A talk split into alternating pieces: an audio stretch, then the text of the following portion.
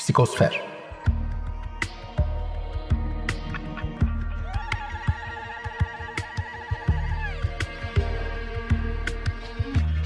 Hazırlayan ve sunan Bülent Usta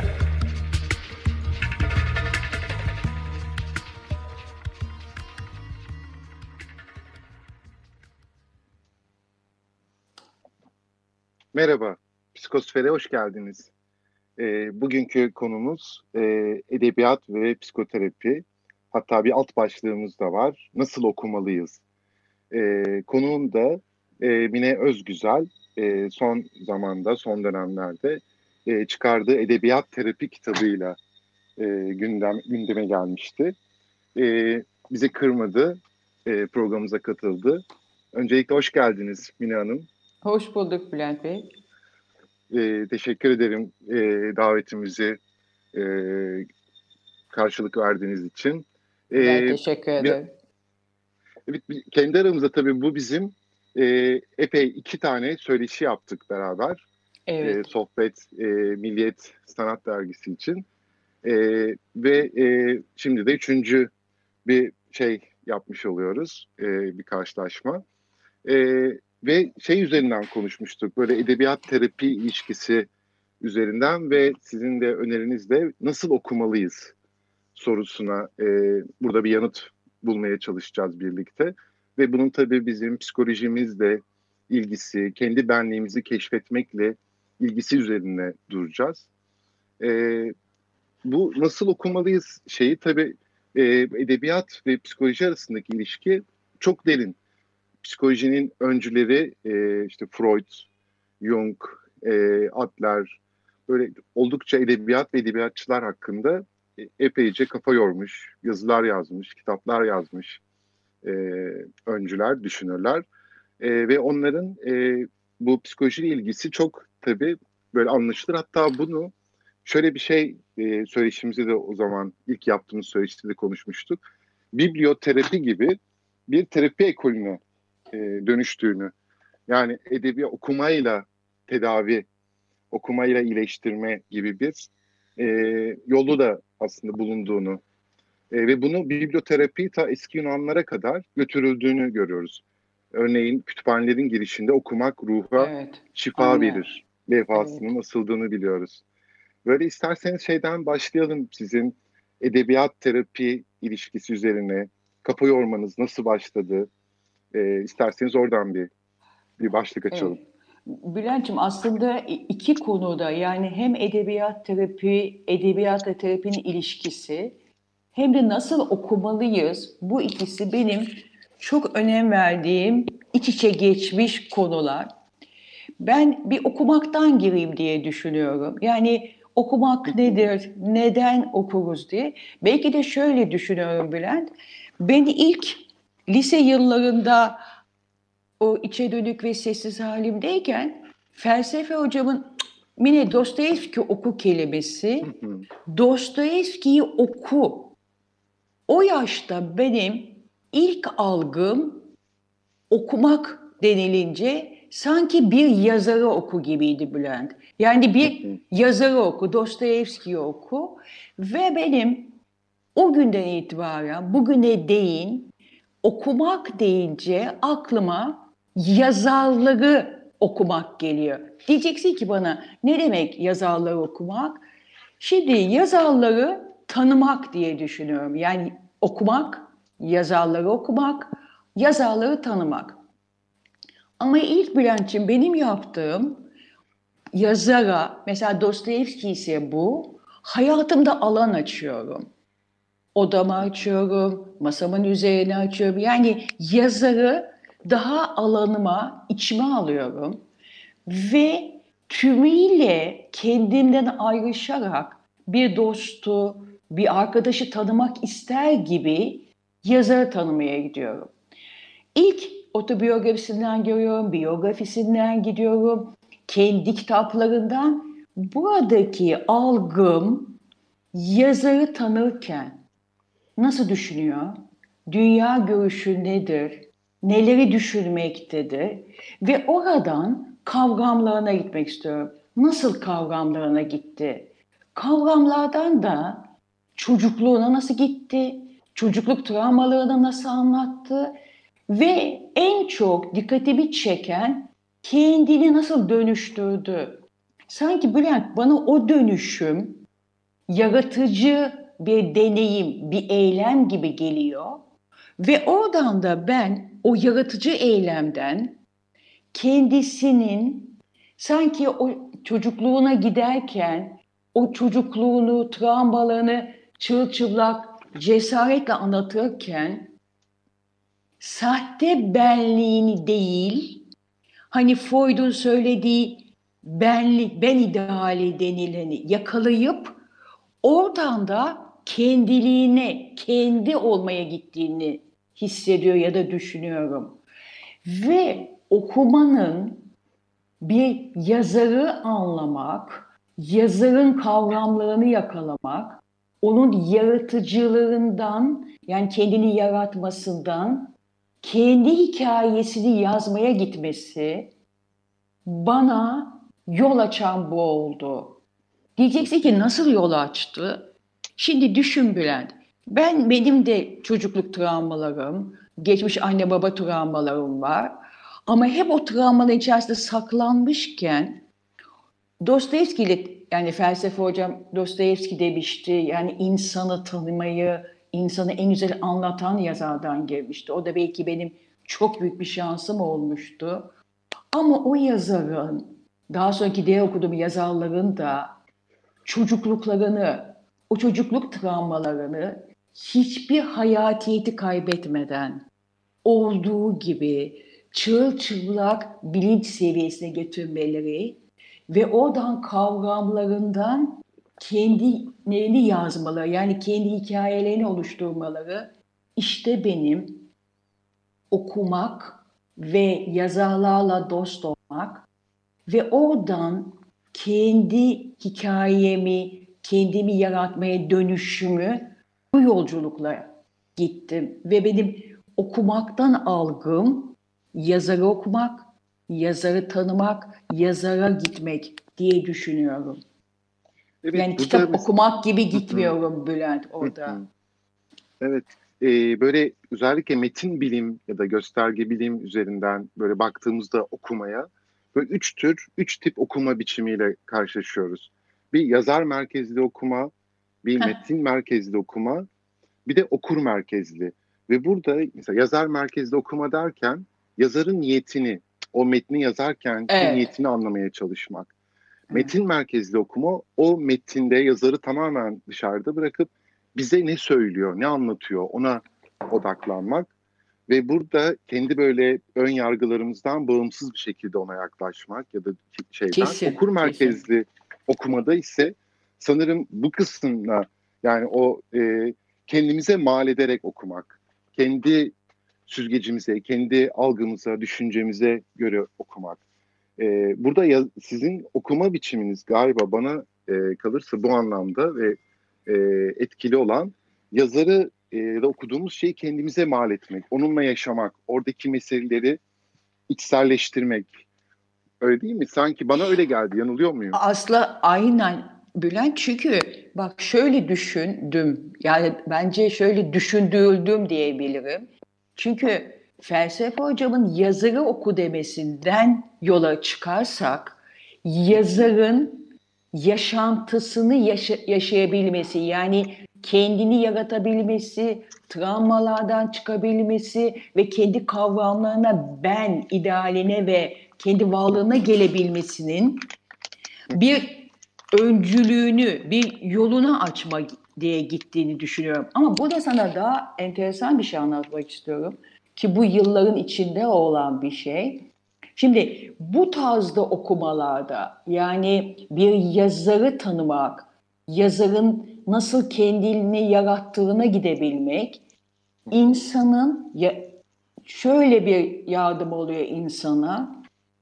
Bir defa bizler çocukluk travmaları ve geçmişin etkisi altında kalıyoruz yaşarken yaşamamızı.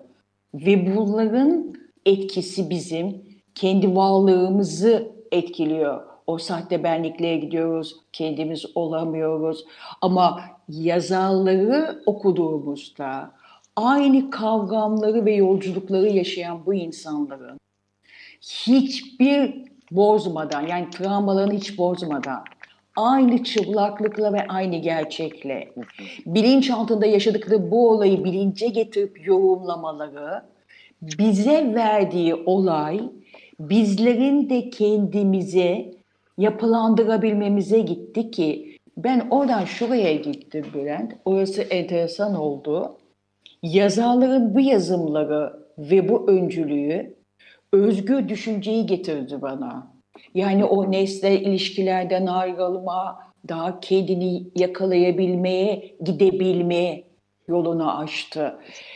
Sanırım Ve o, evet, o, o yolu açan şey şu, şu gerçekten biraz böyle dinleyicilerimizde kafasına netleşmesi için işte Rukeyser diye bir şairin bir sözü var böyle çok ünlü sözlerinden birisi. Evren hikayelerden oluşur, atomlardan evet. değil diye. Aynı şekilde benliklerimiz de hikayelerden oluşuyor. E, kendimizle ilgili hikaye, kendi, bizim dünyaya dair bak yani iç hikayemiz, dış hikayemiz, iç dış, dış iç hikayelerimiz, bu narratif terapinin de böyle e, aslında temelini oluşturan bu hikayeleri hikayeleştirebilmek öyle değil mi? E, yaşadığımız Bak, şeyi, o, yaşadığımız sorunların, güzel.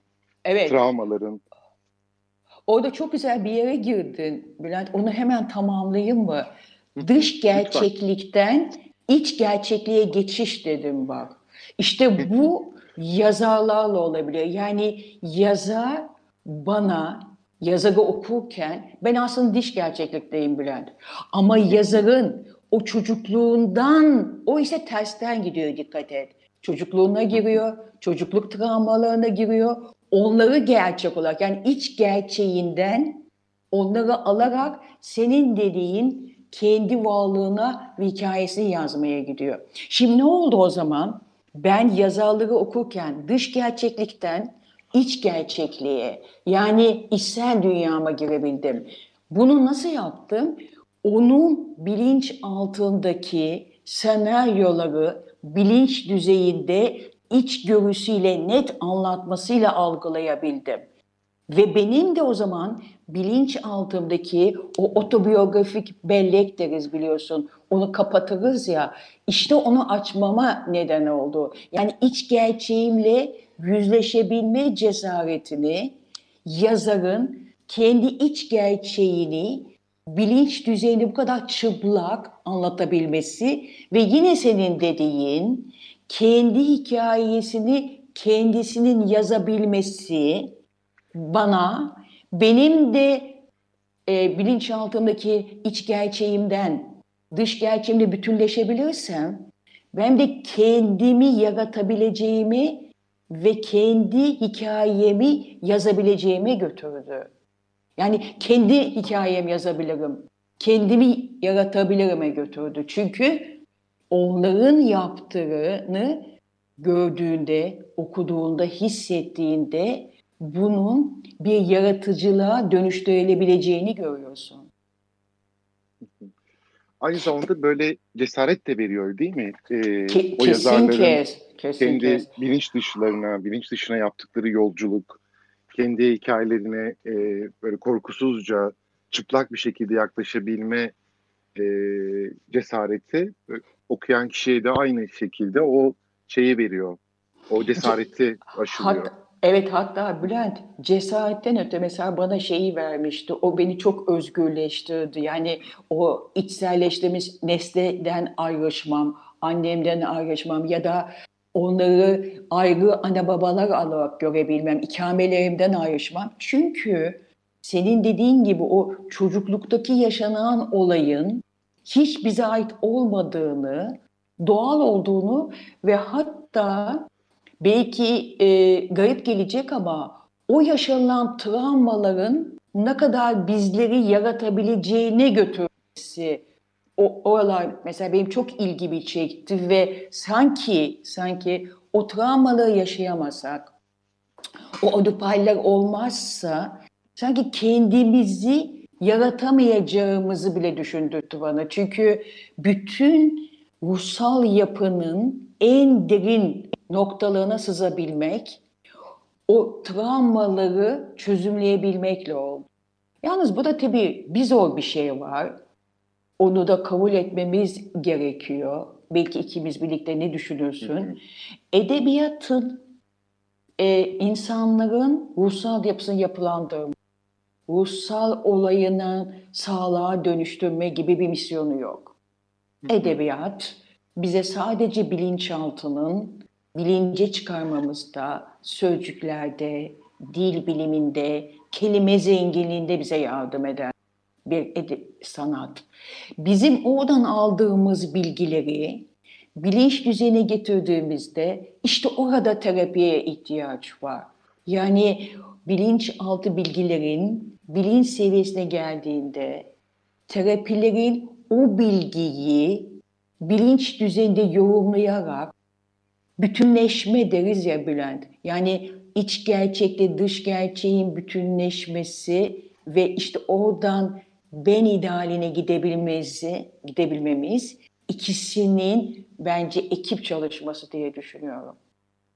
Evet orada aslında e, edebiyatın bize yaptığı şey e, ya da mesela travma dediğiniz çocukluk travmaları. Evet. E, onu anlamlandırdığımızda, hikayeleştirdiğimizde, bir anlama kavuştuğunda o travma etkisini kaybetmeye başlıyor. Bütün mesele anlamlandıramamak, onu e, yorumlamaktaki e, cesaretsizlik. Eğer yorumlayabildiğimizde ve doğru bir şekilde yorumlamaya çalıştığımızda, kendi hikayemize, benliğimize uygun şekilde yorumladığımızda o travmayı e, aşma olasılığımız da ortaya çıkıyor. E, Aslında ve... orada anlam dedin ya, anlam çok önemli Bülent. Anlam mı yakalayabilmek, travmanın anlamını. O da çok güzel söyledin onu. Evet. Ve böyle e, Doris Lessing'in e, bir konuşma, Nobel Edebiyat Konuşma ödülü aldığı zaman yaptığı bir konuşmada bahsettiği bir şey var. Belki tam da bugünlere de uyan cümleler. E, eminim sen de o şeyi biliyorsundur o konuşmayı. E, varsayalım ki dünyamızda büyük bir savaş çıktı veya büyük bir felaket oldu. Bu hepimizin kolayca düşünebileceği bir şey sellerin şehirleri silip süpürdüğünü, denizlerin yükseldiğini düşünelim. Ama masalcı orada olacaktır. Çünkü bizi şekillendiren, besleyen ve var eden hayal gücümüzdür. İyi günde ve kötü günde. Hırpalandığımızda, yara aldığımızda, hatta mahvolduğumuzda bizi yeniden yaratacak olan masallarımızdır, masalcılardır.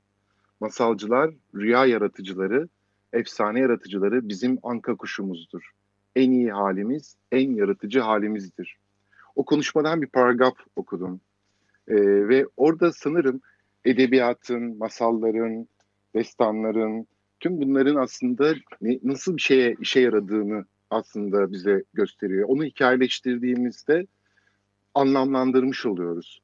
Ve bu da bizi aslında pek çok şeyde e, yerli yerine oturtuyor. Bütün o yaşadığımız meselelerin, büyük olaylar yaşandığında e, örneğin İkinci Dünya Savaşı ile ilgili o kadar çok film yapıldı, o kadar çok roman yazıldı ve tüm o acıların, o şeylerin, e, hikayelerin dile getiriliyor olması bile e, rahatlatıcı, böyle iyi oluşa e, katkısı olan olduğunu düşünüyorum ben.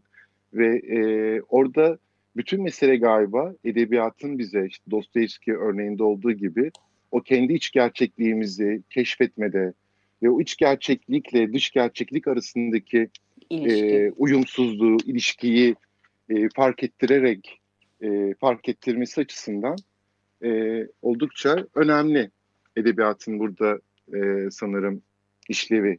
Yani işlevi böyle işlevselleştirmek.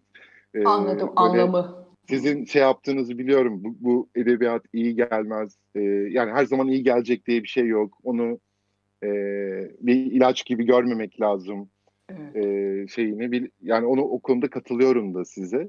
Evet. E, böyle iyi hisset iyi, zaten iyi hissetmek iyileşmek anlamına gelmiyor. Bazen iyi, iyileşmenin kötü hissetmeyle ancak mümkün olabildiği yani o da onun bir parçası olduğunu düşünüyorum ben. E, ama edebiyat bize yaşadığımız dünyayı e, anlamlandırmak açısından e, büyük bir şey açıyor. Büyük bir olanak, imkan sunuyor diye düşünüyorum. As aslında ben burada daha daha farklı bir yere de seni götürebilirim. Şöyle ki e, mesela ben şunu hissediyorum ya da yaşıyorum da diyebilirim. Bizler de edebiyatçılar gibi aynı travmaları yaşıyoruz Bülent. Aşağı yukarı çocukluğumuzdaki yaşadıklarımız. Birbirine benzeyen, birbirlerini anımsatan şeyler. Ama bu travmaların, bu travmaların yorumlanabilmesi, anlamlandırılabilmesi ve varlığımızı oluşturmaya dönüştürebilmemiz için bence ihtiyacımız olan dil, kelime, rüyalar bunları yorumlayabilecek zengin bir yapıya ihtiyacımız var. Yani di, dilin içindeki kavramı yakalayabilme, sözcüklerimizin içindekinin, rüyaların içindekileri. Şimdi biz günlük yaşamın içinde yaşarken, hele daha çocuklukta kendimizi terk edip o sertte benlikle çok daha dışa dönük yaşamaya giderken, bütün bu kavramları çok daha yüzeysel yaşıyoruz. Ama ne var ki ruhsal yapı çok canlı ve o değişmiyor. O yine içerisinde sancılığını yaşıyor. Ve işte edebiyatçıların burada ben çok yardımlarını gördüğüm şu oldu. Anlatımlarındaki dil zenginlikleriyle belli bir süre sonra okumaların içinde kavramsal yapılarımın zenginleştiğini ve kendi yaşadığım olayları, travmaları da daha farklı dil içinde, kelimenin içerisinde kendime yorumlayabildiğimi gördüm. İşte o andan itibaren bilinç düzeyinde buluşmalar başladı. Yoksa biz eğer bu dilin içindekileri, bu sözcüklerin anlamlarının, bu küçük detayların ve kavramların yapısını yakalayamadan yüzeydeki sözcüklerimizle bilinçaltımızı yorumlayıp bilinç üstüyle bütünleşemeyiz. Öyle anlar oldu ki karşımdaki bir insanı dinlerken söylediği o basit cümlelerin içerisinde hissediyordum ki bilinç altında yaşadığı sancıları ama bunları ona anlatabilmem çok zordu. O anda mesela o kelimeleri, o cümleleri açıklayacak bir yazar aklıma geliyor. Mesela dedim ki Iris Murdoch koş onu oku. Şu satırlar dediğimde o Iris Murdoch'un o kesik baştaki anlatımı, o kadının sancılarını dile getirişi, kelimeleri, sözcükleri ve kitabı koşarak geliyordu kucağında bana. İşte bu, bu benim de yaşadığım diye. İşte işte dil gibi yapılanma dediğimiz, kelimelerin içimize sızarak bizim kendi bilinçaltımızdakileri bilinçte ifade edebilme yetisini de böyle kazanıyoruz. Bu edebiyatçıların anlatımlarıyla. Yoksa buluşamayız diye düşünüyorum ben. Yani çok zor o bilinç altında yaşadıklarımızı algılayıp, kavramsallaştırıp, evet. yaratıcılığa dönüştürebilmek. Yani edebiyatın bize burada sözcüklerle, dil bilimiyle, bize kelimelerle yaptığı açılım muhteşem. Ve sen de onu bilirsin Virgin Woolf'u. Çok güzel bir cümlesi vardır. Der ki her kitabında iyi bir yazar olmak için iyi bir okuyucu olmak gerekiyor. Evet. İyi bir okuyucu, okuyucu zaten iyi bir yazardı.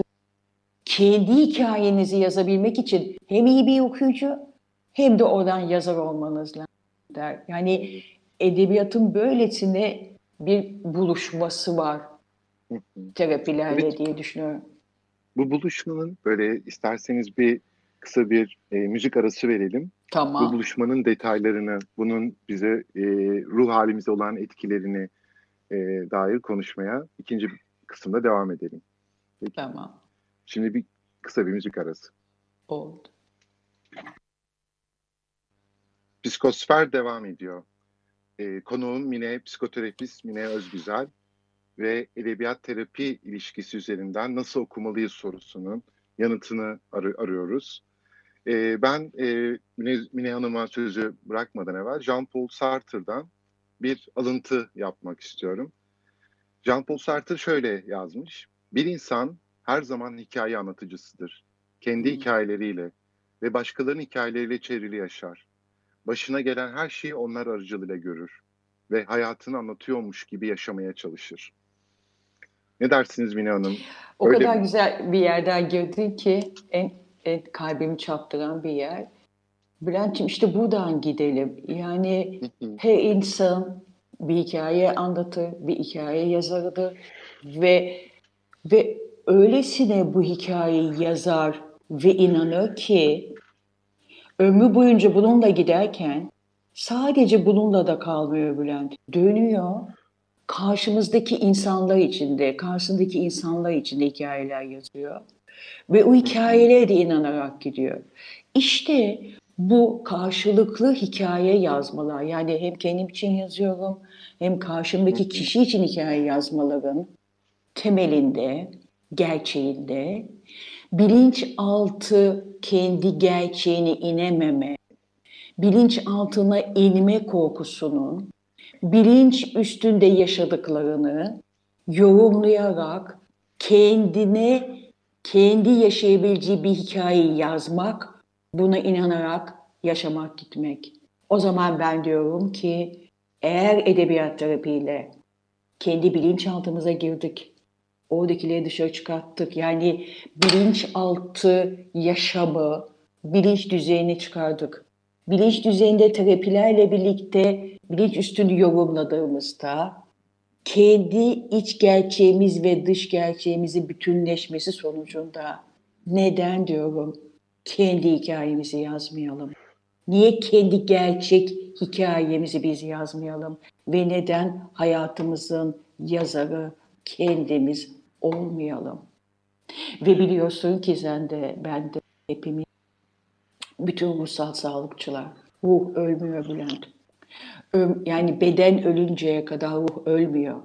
O zaman bizim o hikaye yazarak Sartre'ın dediği gibi o, o gerçek olmayan hikayeyle yaşar ruhsal sancılarımız devam ediyor ömür boyu ve yaşamımızın sonuna doğru ruhsal sancılar, kaygılara, anxiety'lere, öfkelere bize yaşatmıyor. Çünkü diyor ki neden beni gerçek yazmadın? İşte bunun için yazarlardan gelerek, terapilerle bütünleşerek kendi hikayemizi kendimiz yazalım diyorum. Bu kendi kendi hikayemizi yazma bana şey gibi geliyor. Sanki böyle ısmarlama dikilmiş bir elbiseyi sanki günümüzde özellikle bu kişisel gelişim endüstrisi diye diyebileceğimiz e, biraz işin içine modanın, medyanın, Hı hı. e, reklamcılığın vesairenin olduğu şeyde sanki herkes bir biçimde ısmarlama ve kendi bedenine uymayan bir elbise giymeye zorluyor. Bu e, tabii sadece evet İş- İşte dediğim bu elbise Sartre'ın dediği. Hı hı. Yani senin ilk cümleyle bizim başladığımız. Hı. Yani bilinçaltımıza hiç girmeden, bilinçaltımızda otobiyografik belleği kapatarak, şimdi gerçek gibi alarak, şimdiki gerçeğimizin üzerinde zihinsel yetilerimizle sahip olmalar üzerine kurduğumuz hikaye işte bu. Bu senin dediğin satın alma, elbise alma. evet Ve buna Ve- inanmak, ve buna inanmak. Bir de biliyorsun değil mi? ve Enteresan. buradaki tabii Hı.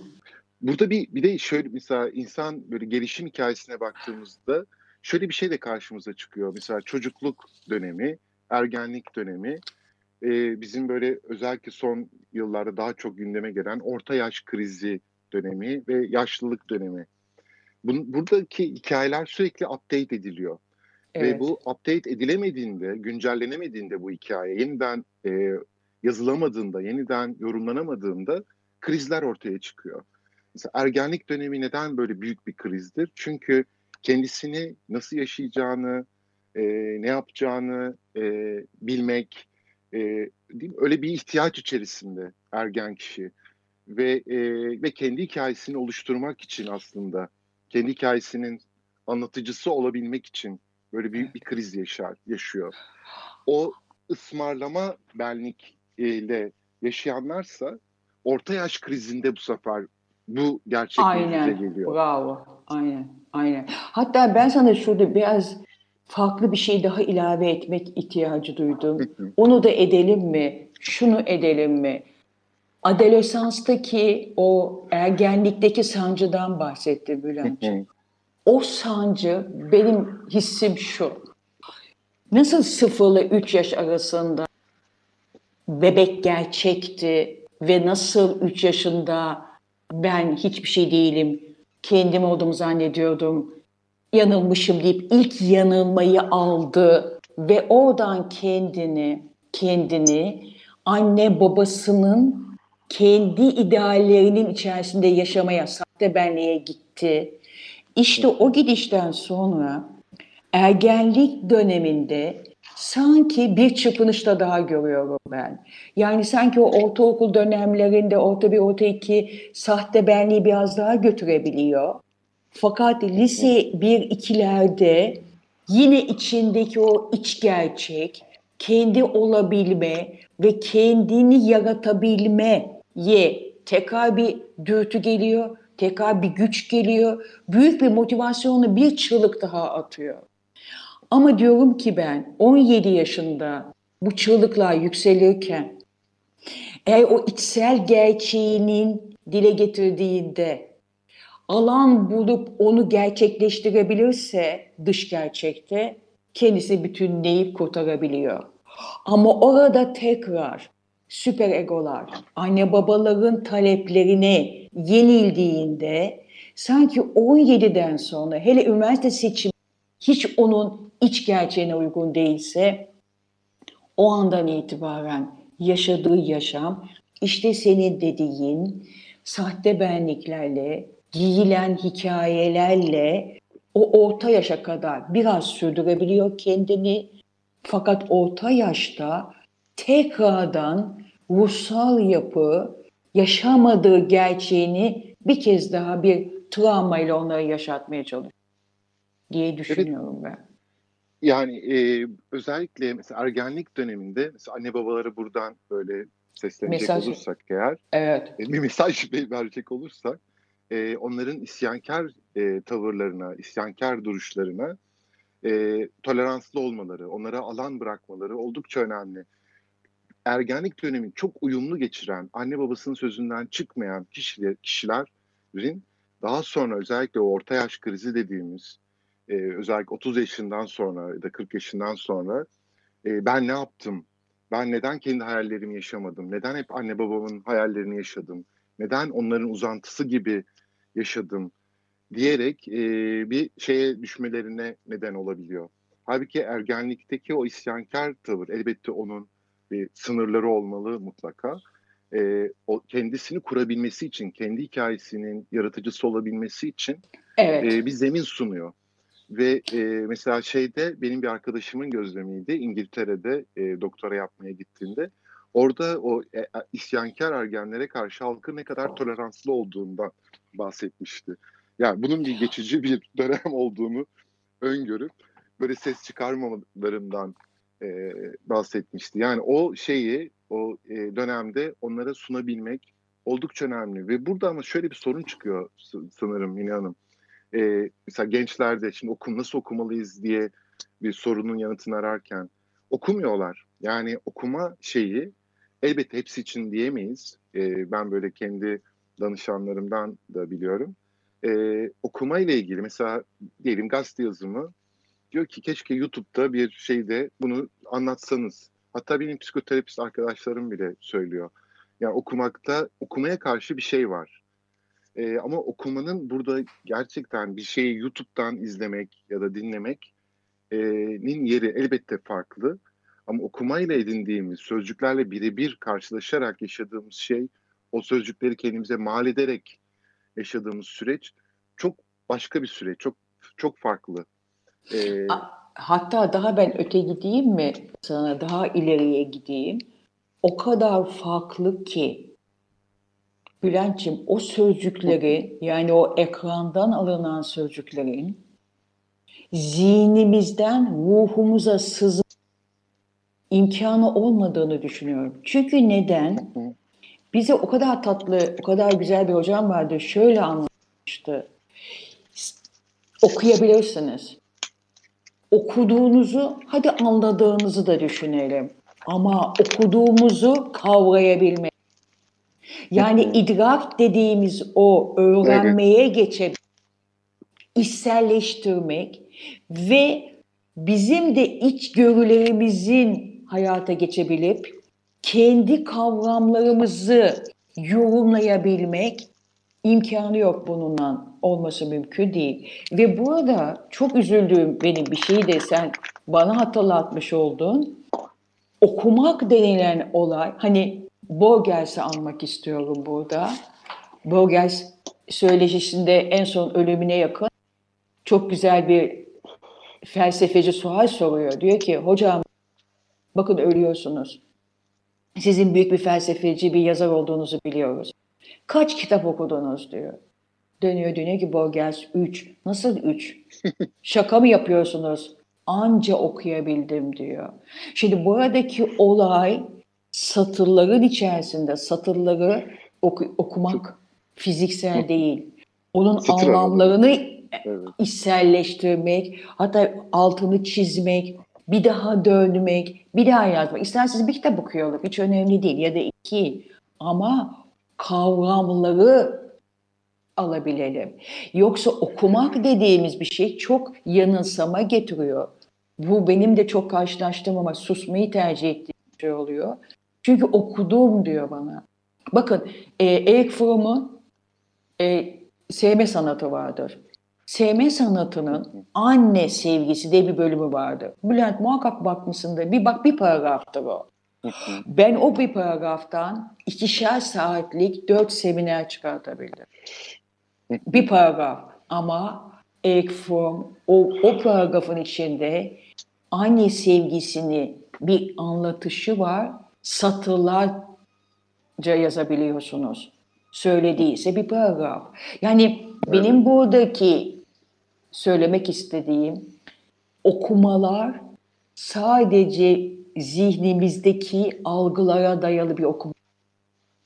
O okuduğumuz kelimeleri içselleştirip, iç gerçeğimize götürerek, kendi kavramlarımızla bütünleştirip tekrardan bilincimize çıkmamız lazım. Yoksa senin dediğin gibi olur. Yazdığımız Ama... hikayeler, miş gibi hikayeler yazarız. Satın almalar gibi olur gider. Benim söylediğim gerçek hikayemizi yazabilmek diye düşünüyorum. Burada sanırım temel mesele yani okumayla ilgili e, zorluklar yaşayanların bir şey kaçırıyormuş duygusu. Yani orada gözünde büyüyor.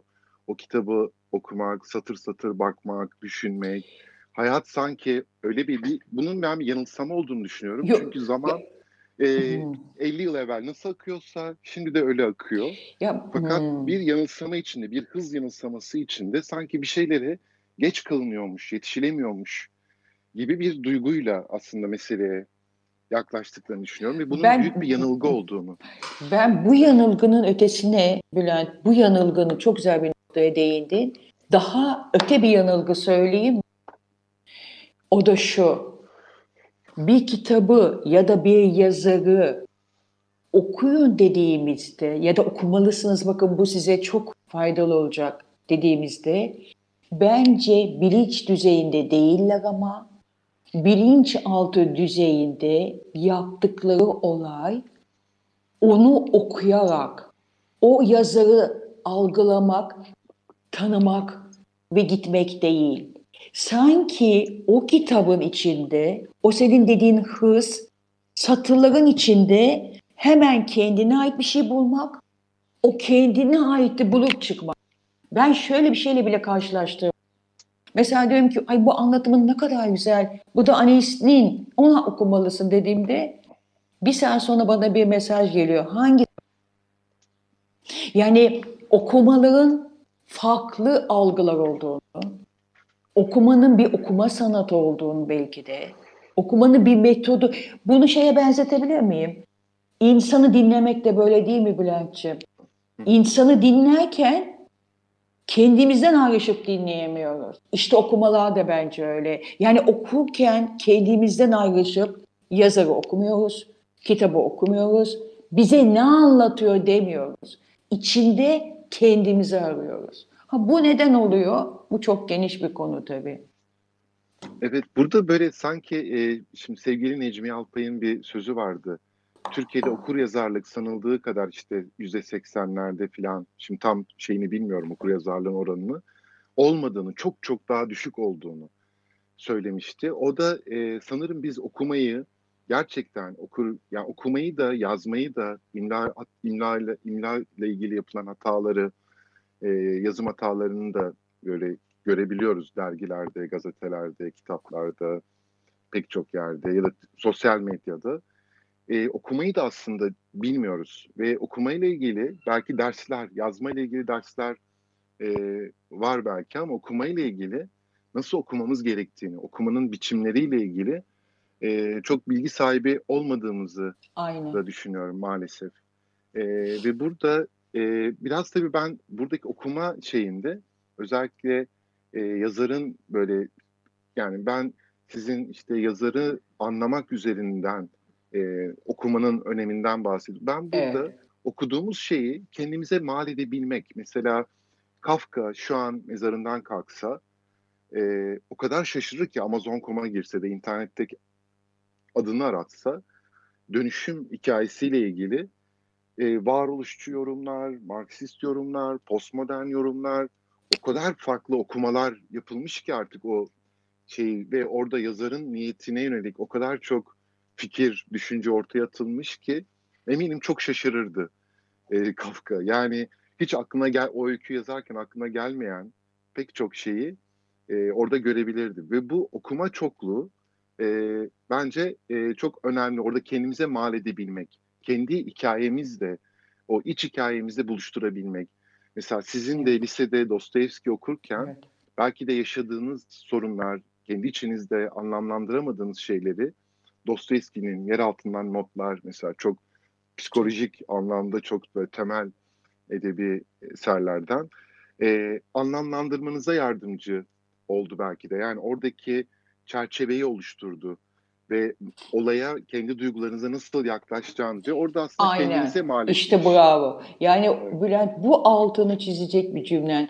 Çok güzel onu söyledin. Yani orada Dostoyevski'nin insanı anlaması ve kendini anlaması onu Dostoyevski okurken öğrenmem aslında kendimi anlamaya gitti. Yani benim buradaki bütün okumalarda önerdiğim bir o insanı tanımayı öğrenmek, o insanın ne yaşadığını öğrenmek. Yani kendinden ayrışıp yazara geçip yazarın tanımaya gidilmeden kendimize dönülmede gerçek bir tanıma girme şansımız yok. Burada beni Ahmet Cemal'i anımsa hatırlattın bana. Allah rahmet eylesin şunu söylemek istiyorum. Kafka'nın değişimini tercüme ederken ön sözünde şöyle bir şey yazar. Sen de hatırlarsın. E, dönüşüm dördüncüsünü tercüme Zannetmeyin ki diğer tercümeler kötü. Hayır. Niye tercüme ediyorum biliyor musunuz? Kendim için. Kendim bir kez daha Kafka'yı yaşamak ve Kafka'nın kendi yazdığı bu dönüşümü tercüme ederek kendimle içselleştirmek için diye notu var içinde. Yani buradaki bizim bence en başlangıç noktamız eğer kendimize dönüşebilmek, kendi bilinçaltımızla bilincimizi bütünleştirebiliriz ve kendi varlığımızı yaşayabilmek, gerçek kendimizi yaşayabilmeye gitmek istiyorsan, edebiyatın o bilinçaltı betimlemelerini, o yazarın içinden, sesinden, sözcüklerinden o yazıyı anlamak, daha sonra belki bir yıl belki okumalı o yazarı, bilemiyorum süreyi, daha sonra olgunlaşmış kavramlarımız, sözcüklerimiz ve dilimizle kendi bilinçaltımızdaki o cesaretle onlarla karşılaşmak, sonra aldığımız kucak dolusu bir bilgi belki terapiye götürüp şimdi bunları yoğunlayıp deyip kendimizin gerçek, satın almalarla değil, kopyalarla değil, bize ait hikayesini yazmaktan bahsediyorum. ve, ve burada e, sanırım edebiyatın şöyle bir şeyi de var bize, imkanı da var ve bu imkanı evet mesela sinema, müzik vesaire belki başka sanat dalları da e, farklı şekillerde sağlıyorlar ama edebiyat kadar sağlayamıyorlar. Başka bir insanın zihninde geçenleri gözlemleyebilmemiz, onun hikayesine, iç hikayesine bakabilmemiz, sizin de hep altınızı çizdiğiniz evet. sadece sanırım edebiyatla e, mümkün olan bir şey ve orada bir tür böyle şey demek yanlış mı olur? Bir tür röntgencilik, başkalarına bakarak, başkalarının hikayelerine bakarak kendi hikayemizi oluşturmaya çalışmak, onlardan e, öğrenmek bir şeyleri. Pek ben çok öyle... günümüzde pek çok hmm. Anne Karenina var, değil mi? Goryo babalar, yaşayanımızda pek çok karakter. Ben orada röntgencilik demeyeyim de şöyle desek. Mesela neden diyeceksin bana psikoloji yani terapiler sanatta edebiyata yakın. Aslında ed, e, edebiyat yazılı, terapiler ise sözlü. Yani ama alanları aynı. Yani onun için sana orada katılıyorum.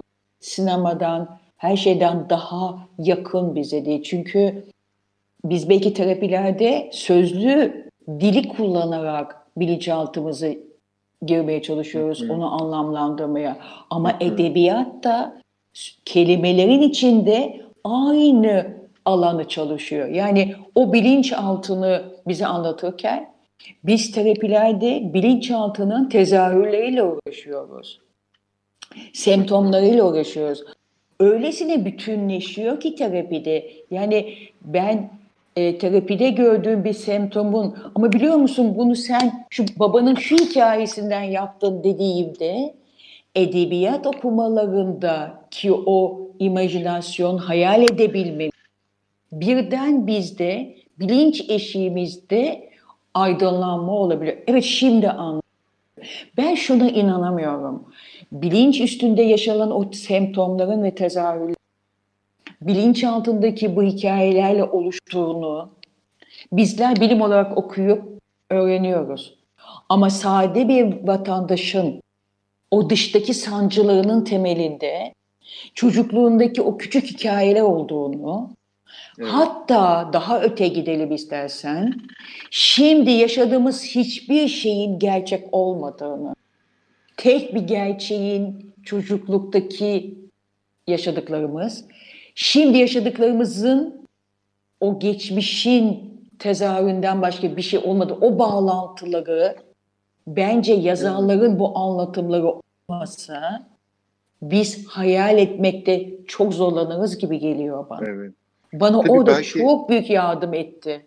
Onu düşünüyorum evet. edebiyat. Peki, belki, belki dinleyicilerimiz daha iyi anlaması için e, çocukluk deneyimleri onlar onları temel deneyim olarak biz kabul ediyoruz. Kesin. Çünkü e, bebeklik ve e, çocukluk döneminde savunma mekanizmalarımız yetişkinlikte olduğu gibi güçlü değil. E, ve o yüzden her şeyi olduğu gibi alıyoruz. Bize anlatılan, bize Aynen. verilen wow. her şeyi evet. sünger gibi yemiyoruz ve bu yüzden de temel deneyim olarak kalıyor. Ve o Tabii. temel deneyimi, o hikaye ki bilinç dışı da aslında tüm bu, bu şeylerle, o temel deneyimlerin yapı taşlarıyla oluşuyor. Evet. E, ve e, yetişkinlikte yaşadığımız pek çok şey çocukluk döneminde takılıp kaldığımız, içine hapsolduğumuz hikayelerin sonucu aslında. Ve o hikayeleri yeniden e, güncellemek ve kendi gerçekliğimizle uyumlu hale getirdiğimizde aslında oradaki şeyden de çıkmış oluyoruz. Kesin ee, çünkü başka bir hikaye yazmıyoruz. Yani oradaki odüpaller bizim daha sonraki ilişkilerimizi oluşturuyor geçmişteki bütün travmalarımızda sözde şimdiki gerçeklerimiz oluyor. Ama bütün bunu çırpınırken isterseniz var edelim. Yani onu yaşamış olalım. Ama o yaşadığımızın temelini anlamadan yani determinizm var burada Bülent'ciğim. Nedeni bilmeden sonuçları yaşadığımızda sonuçların bizlerin içsel olaraktan varlığımıza dönüşmemiz gerekiyor. Kendimizi, kendimizle olan ilişkimizi kuramıyoruz. Ve yazık oluyor ki bizlere bu kadar emek, bu kadar çırpınmanın neden içselleşip de bize o ruhsal yapının huzurunu vermediğini anlayamıyoruz. Ve bu ömür boyu bir çırpınış olaraktan gidiyor. Halbuki evet. o kadar yakınımızda ki Bülent. Yani bir dönüp cesaretle geri dönüp orayı bir alıp kendimize çıkarım. İşte burada edebiyatçının hani Proust'un dediği yine güzel bir şey var diyorsun.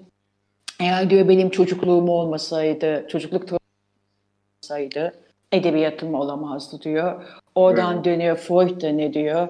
Eğer Proust yazmasaydı, ben bu yazdıkların olmasaydı ben psikolojinin bilimini yapamazdım diyor. Yani evet. bu kadar iç içe geçmiş bir iki evet. san, bir bilim, bir sanat evet. diyelim. Evet. Evet, böyle programın sonuna doğru böyle geldik, yaklaştık. Ee, ve kısaca böyle özetlersek, e, bizim hikayelere ihtiyacımız var ve kendi hikayemizi yaratmaya, bütün bu hikayelerden kendi hikayemizi yaratmaya ihtiyacımız var. Ve hikayeler bugünü sağlama alan, dünü düzenleyen ve yarına ilişkin öngörüde bulunan hikayeler. Ve bu hikayelerle ilgili de bizim aslında günümüz insanının e, bu çağı bir anlam krizi olarak pek çok filozof e, tanımlıyor. E, ciddi meselelerimiz, sorunlarımız var. E, yarın ilişkin öngörüde bulunan hikayelerimizle ilgili sorunlarımız var. Dünü düzenleyen hikayeler ve bugünü sağlam alan hikayeler ve burada edebiyatın bize katacağı çok şey var. E, sizin böyle son bir sözünüz varsa sonra e, belki vakit kalırsa bir şarkıyla veda etmiş oluruz. Ben bugünlerde bugünlerin bir hem daha kolay geçişi hem bir anısı olsun yaşamımızda diye bu din bugünlerde kendilerine bir yazar seçmelerini ve o yazarı gerçekten yazarı tanımaya gitmelerini ve sonra bizim bugün söylediklerimizi yazarı tanımlayıp içselleştikten sonra bir kez dönüp kendilerine algılayarak, kavrayarak geçirmelerini güzel olur, güzel bir anı olur, güzel bir başlangıç olur diye düşünüyorum. Kendiliklerini ve kendiyle varlıklarını yaşayabilmeleri için. Evet. Ee, programın programa katıldığın için çok teşekkür ederim. Ben çok teşekkür ee, ederim davetin için. E, dinleyicilerimize de bizi dinledikleri için teşekkür ederiz. İyi akşamlar. Teşekkür ederiz. İyi akşamlar.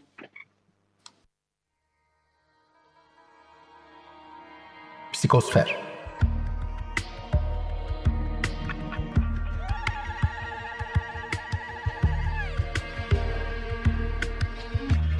Hazırlayan ve sunan Bülent Usta